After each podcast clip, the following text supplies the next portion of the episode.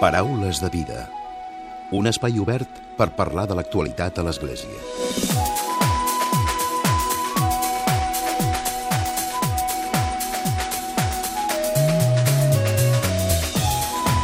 Què tal? Salutacions i molt bon dia, molt bon diumenge. Avui la nostra convidada és la Mardia Herrero.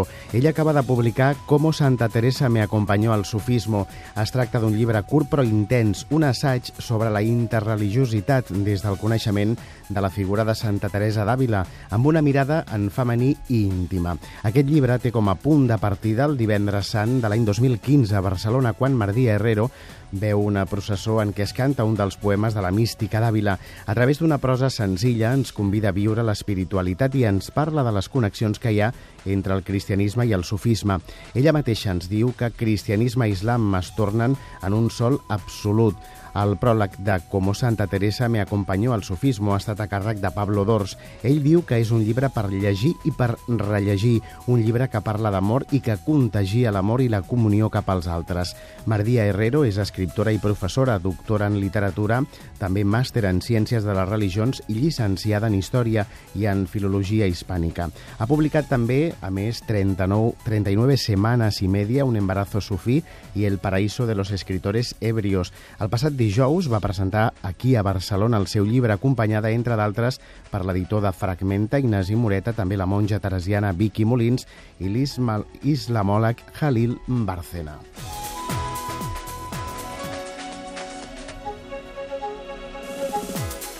I com sempre, a la recta final del Paraules arribarà un nou comentari de l'actualitat de Francesc Romeu. Comencem.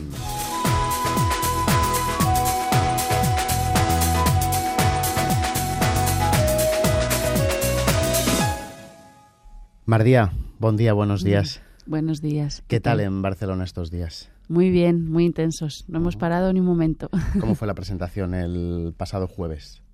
Muy bonita. Se llenó la sala. Había gente querida y mucha gente que no conocíamos, y, pero fue muy, muy bonita. Todos los, los que presentaron el acto tuvieron palabras muy cariñosas y, y, además muy profundas sobre el texto y la verdad es que estoy encantada. Uh -huh. Un libro como Santa Teresa me, me, acompañó al sufismo, que cuando lo lees, tal y como también dice Pablo Dors, es un libro que, que transpira amor mm, paz y tranquilidad, o esa es la sensación que yo tengo después de haberlo leído. ¿Esa, ¿Esa, es la intención? Sí, la, la intención es eh, intentar conectar al lector con, con ese amor que es capaz como de acoger todas las formas, que decía Ibn Arabi. Ibn, Ibn Arabi decía, mi corazón se ha vuelto capaz de todas las formas, ¿no? Pues eh, mi intención al escribirlo, por eso hablo, es diálogo interreligioso, pero en realidad es encuentro interreligioso, ¿no? Y en la medida en que uno ama, el otro siempre se vuelve más parecido a uno, ¿no? Y la semejanza o la distancia se acorta cuando, cuando hay amor, ¿no?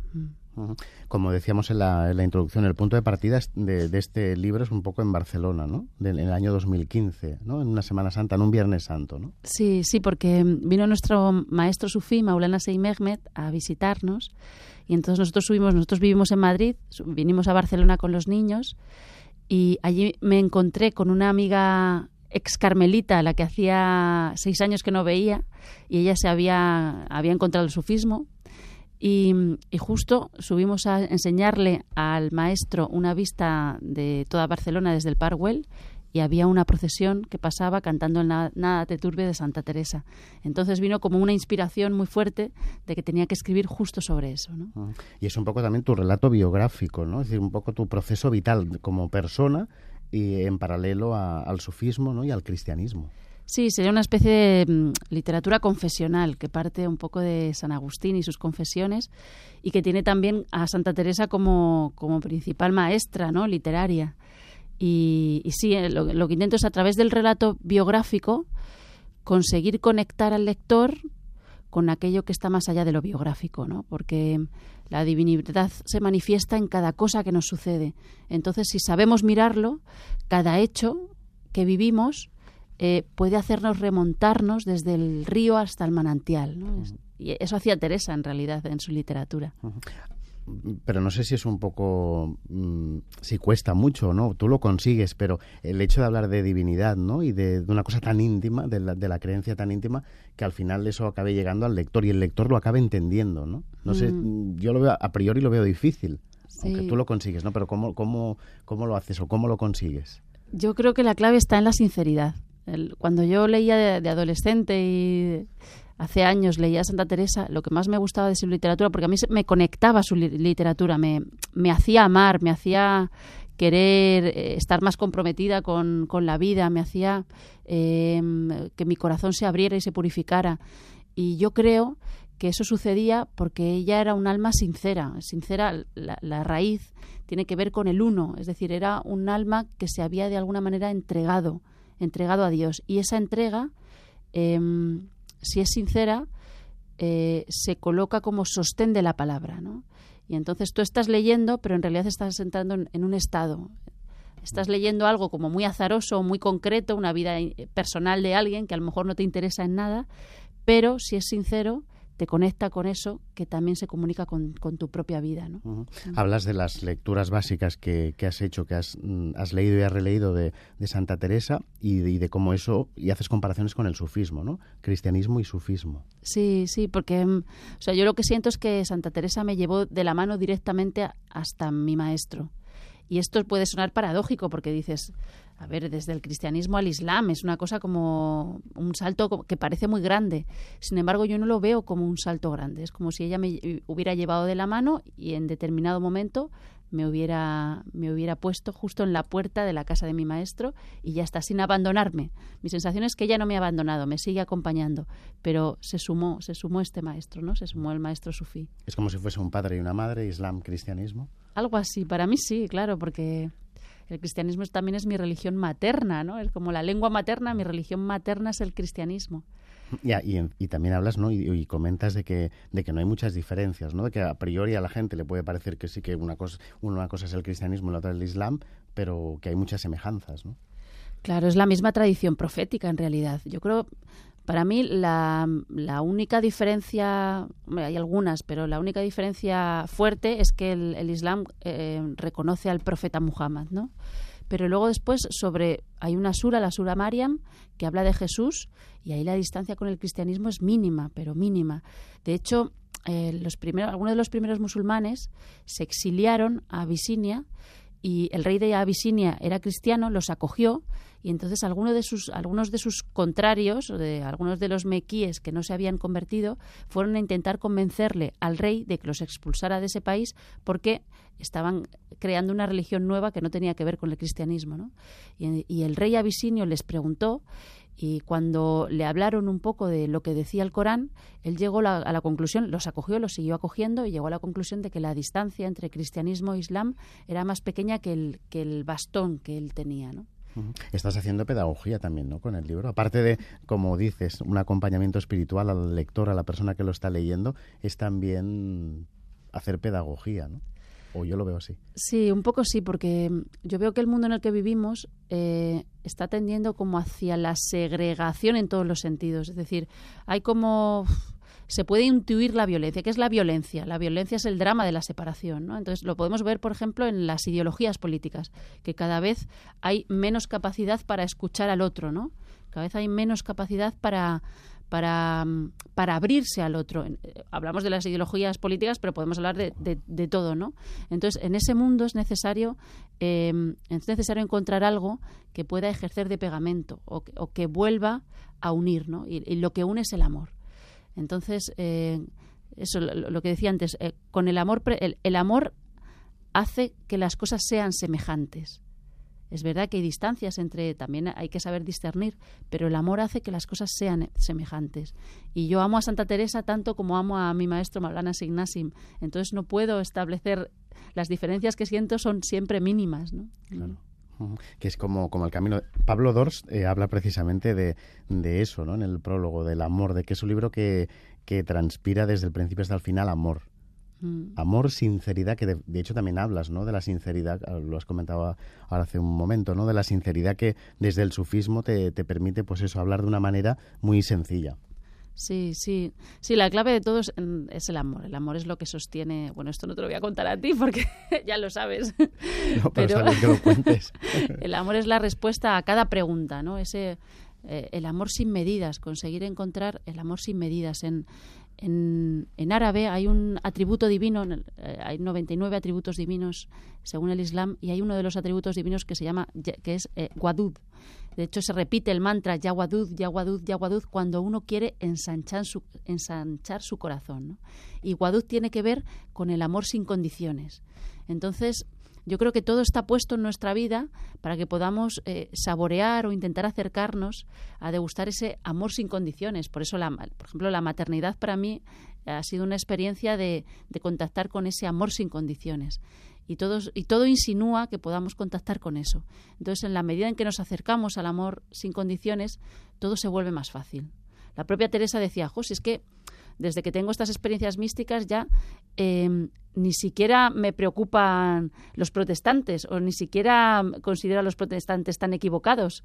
No es que ella considerara que los protestantes llevaban más razón que los cristianos católicos, simplemente que como su corazón se había vuelto capaz de amar más, pues también era capaz de acogerlo todo. ¿no? Con las lecturas de, de Santa Teresa, mmm, lo hablas, has hecho las, las relecturas. Eh, ¿Cómo era? ¿Cómo, ¿Cómo es el mensaje que transmite Santa Teresa? ¿Cómo es para ti? Para mí, aparte de la sinceridad, que, es esencial, eh, hay una frase suya que dice, ¿de, ¿de, qué se trata? ¿no? ¿De qué se trata la vida? Y ella dice, se trata de darnos todas al todo sin hacernos partes. Es decir, de, comprometer, de entregarnos por completo a la divinidad. Y para ello es, eso, eso generó su dimensión literaria, pero también generó sus fundaciones. Y, y, luego una segunda cosa, y es que ella siempre decía, Marta y María deben ir juntas, es decir, la acción y la contemplación deben ir de la mano. Y la prueba, la prueba de que las visiones que estoy teniendo son reales, la prueba es que luego generan frutos o generan obras. No, uh -huh.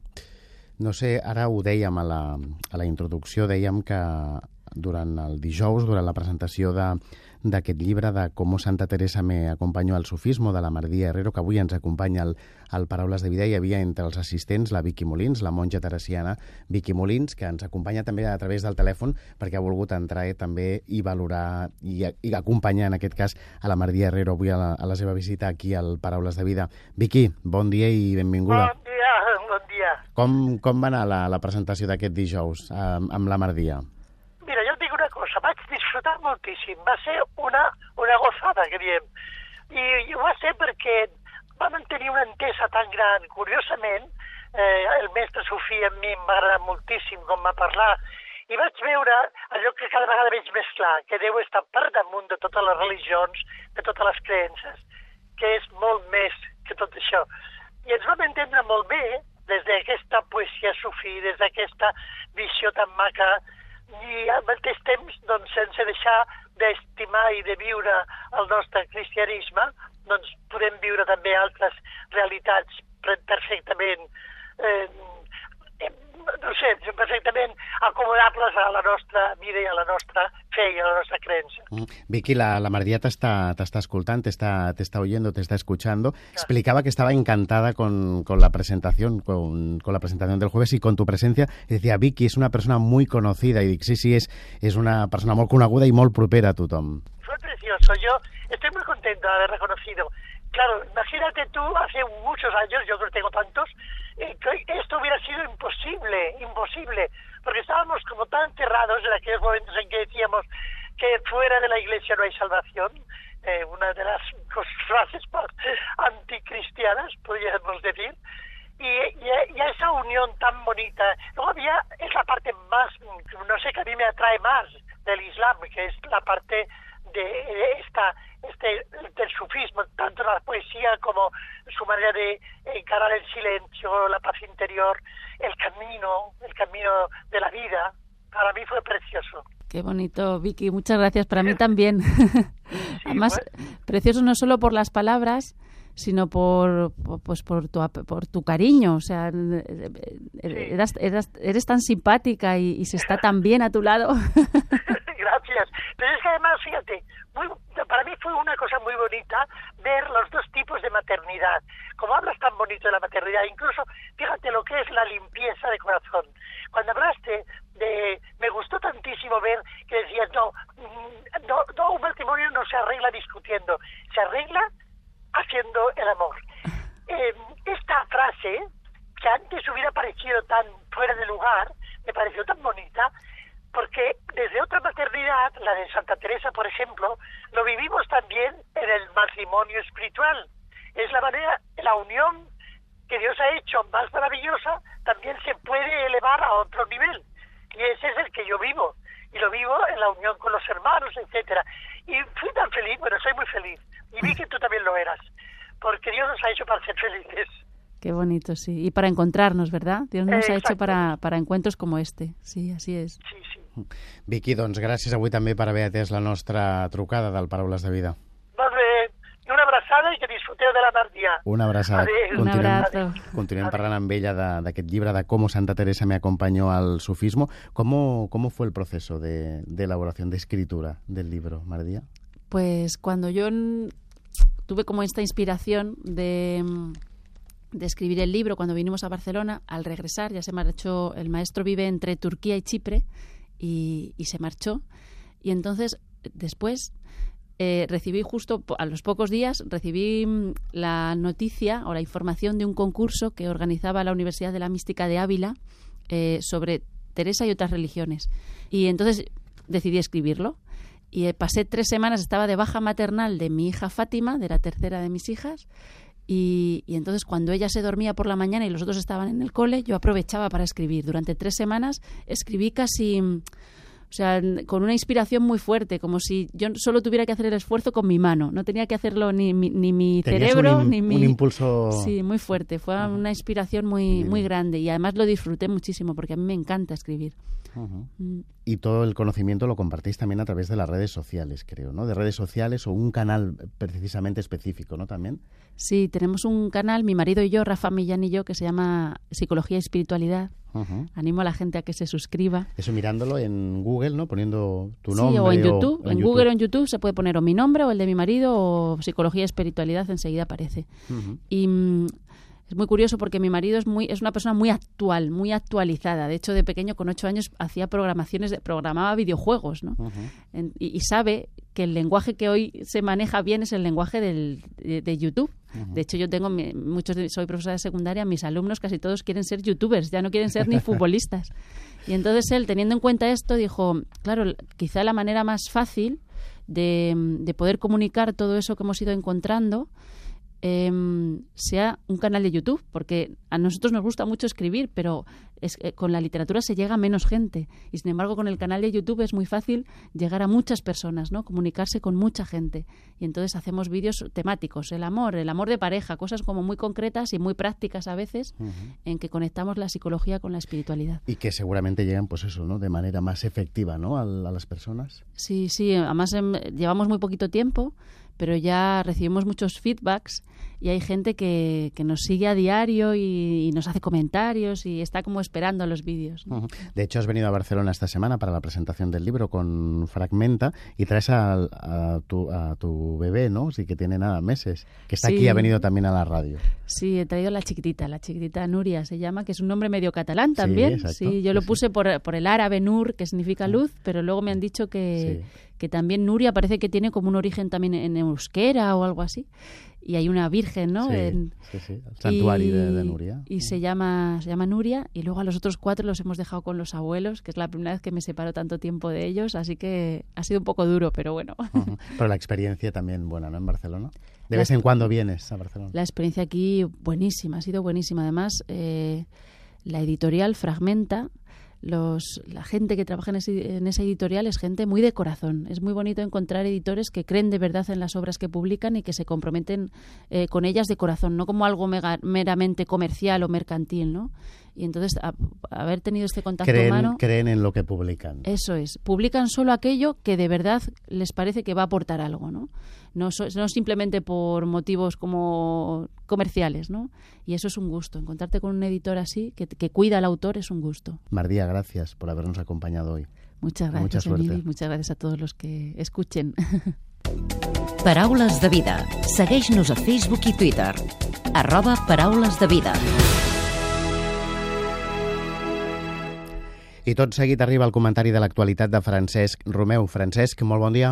Molt bon dia a tothom. Aquesta setmana, i més concretament el dilluns 11 i el dimarts 12 passats, els bisbes de Catalunya es van aplegar en la seva reunió habitual de la Conferència Episcopal Tarraconense, primer a Tiana i després a Barcelona. I davant del degoteig cada dia dels casos d'abusos sexuals a menors causats per eclesiàstics, els hi hem d'agrair ho hagin afrontat donant la cara i fent pública una nota sobre la protecció de menors. El text diu així. En les darreres setmanes, l'Església Catòlica a Catalunya s'ha vist sacsejada per algunes notícies referides a abusos de menors, que ens omplen de vergonya i de dolor, ja que alguns dels agressors eren persones consagrades o sacerdots. Els abusos a menors que condemnem rotundament i la cultura que els fomenta o justifica és un greu problema que afecta tota la societat. I l'Església, com a part de la societat, també se'n veu afectada. Demanem perdó a les víctimes i ens solidaritzem amb el seu dolor i també a totes les persones a qui el coneixement d'aquests fets ha escandalitzat i ha fet trontollar la seva confiança en l'Església. Sofrim i preguem per les víctimes que han quedat marcades en la seva vida. En solidaritat amb tots els qui hagin patit algun tipus d'abús i amb les seves famílies ens comprometem a col·laborar en l'aclariment dels fets del passat i a trobar la manera d'ajudar les víctimes en el seu restabliment. L'Església actuarà amb determinació per protegir els infants i els adults vulnerables, eliminant tot tipus de tolerància o encobriment i per erradicar de les nostres comunitats i de tota la nostra societat la cultura de l'abús sexual, econòmic, de poder i de consciència. Així mateix, prenem el compromís d'adoptar rigoroses mesures de prevenció que impedeixen la seva repetició a partir de la formació d'aquells a qui els seran confiades tasques de responsabilitat i educatives. Creiem que és just valorar la dedicació generosa i madura de tants sacerdots i religiosos, d'educadors en les escoles i en el temps lliure, envers els infants i joves i les seves famílies, i convé que els defensem de l'obra de sospites generalitzades, així com volem recordar el dret que tota persona té a la presumpció d'innocència. Molt de treball ben fet així ho avala, en aquests moments reiterem el nostre ferm compromís amb el compliment de la legislació vigent canònica i civil i que passa per posar en coneixement del Ministeri Fiscal els fets ocorreguts que poguessin constituir delicte contra la llibertat i indemnitat sexual, per la valoració jurídica que correspongui, instar les víctimes que denunciïn els fets davant les autoritats civils i informar a la Congregació per la Doctrina de la Fe per qualsevol cas d'abús fonamentat. I estem atents a que el papa francès, reunit pròximament amb els presidents de les conferències episcopals del món, determini per combatre aquestes accions deshonestes i delictives que tant afecten l'anunci de l'Evangeli. Demanem a totes les celebracions religioses de les nostres diòcesis que el proper dimecres de cendre 6 de març, en començar la quaresma, que és temps de conversió, es pregui i es dejuni d'una manera especial per les víctimes dels abusos i fem nostra la ferma determinació del papa francès que assenyala que l'abús sexual és un pecat horrible, completament oposat i en contradicció amb el que Crist i l'Església ens ensenyen. En segon lloc, els bisbes de Catalunya també s'han referit a la situació que s'està vivint ara que se celebra el judici al Tribunal Suprem dels líders independentistes. També han dit que pel que fa a la situació política i social que es viu en aquests dies i en l'inici d'un judici que té una gran transcendència per la convivència del nostre país, volem recordar que sempre caldrà diàleg, respecte mutu i magnanimitat en la recerca de gestos concrets per la reconciliació, ni que sigui amb sacrificis per part de tots, que serà el que ens durà a la concòrdia i a la pau social. Els cristians som un poble cridat a contribuir a la pacificació personal i social, procurant especialment la solidaritat entre tots i l'atenció als més vulnerables. Seguint el magisteri del papa francès, desitgem abatre murs i construir ponts. Perseverar en una actitud de diàleg entre els ciutadans i entre les institucions serà un impuls de superació per continuar construint una societat en solidaritat, en pau, en llibertat i en justícia. Molt bon diumenge a tothom!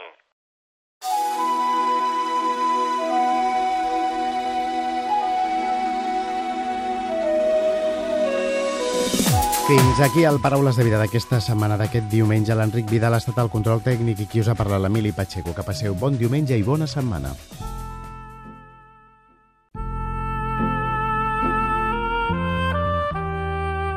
Us oferim la carta dominical de l'arcabisbe de Barcelona, Joan Josep Omella.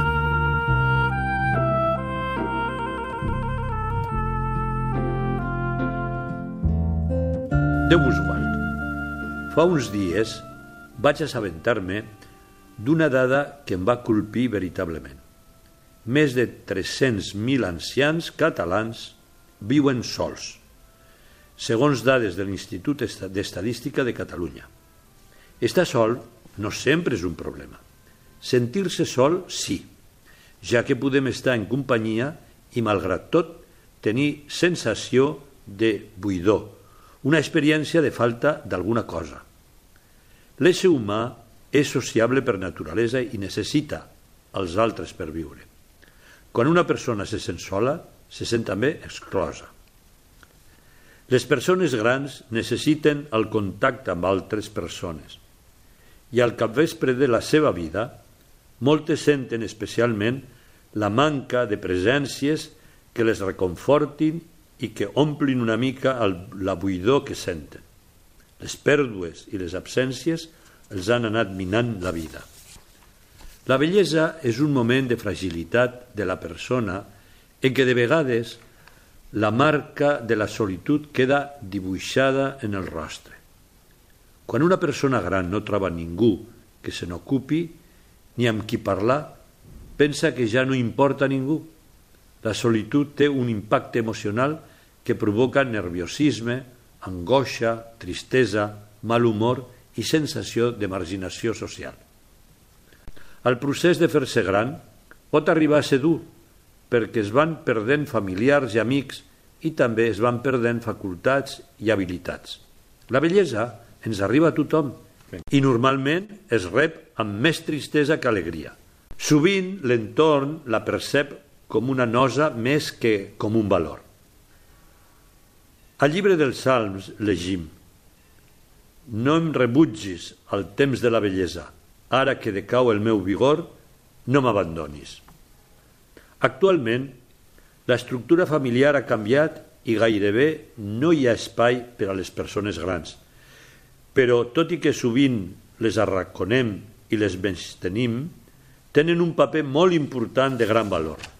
Sense elles, es perd la saviesa de la vida i la gran riquesa de les relacions intergeneracionals en què joves i grans aprenen els uns dels altres.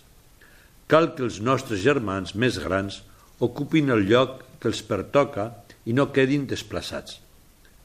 Aquesta civilització continuarà endavant si sap respectar la saviesa, la saviesa de la gent gran, diu Amoris Letícia, del papa Francesc.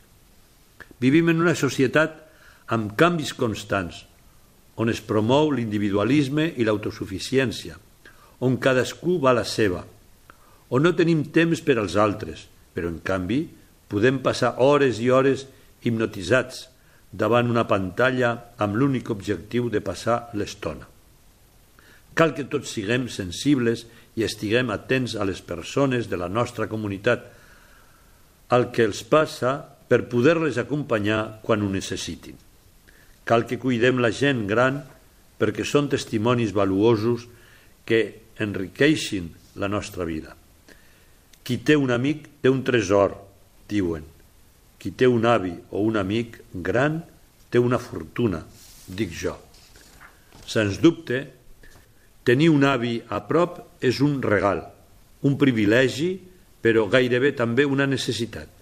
Així ho expressava el papa Francesc en el darrer sínode, tot recordant una dita argentina.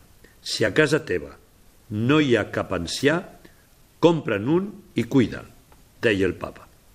Benvolguts germans, Tinguem present la gent gran, acollim-la, escoltem-la i estimem-la. Regalem-los una mica del nostre temps. Us hem ofert la carta dominical de l'arcabisbe de Barcelona, Joan Josep Omella.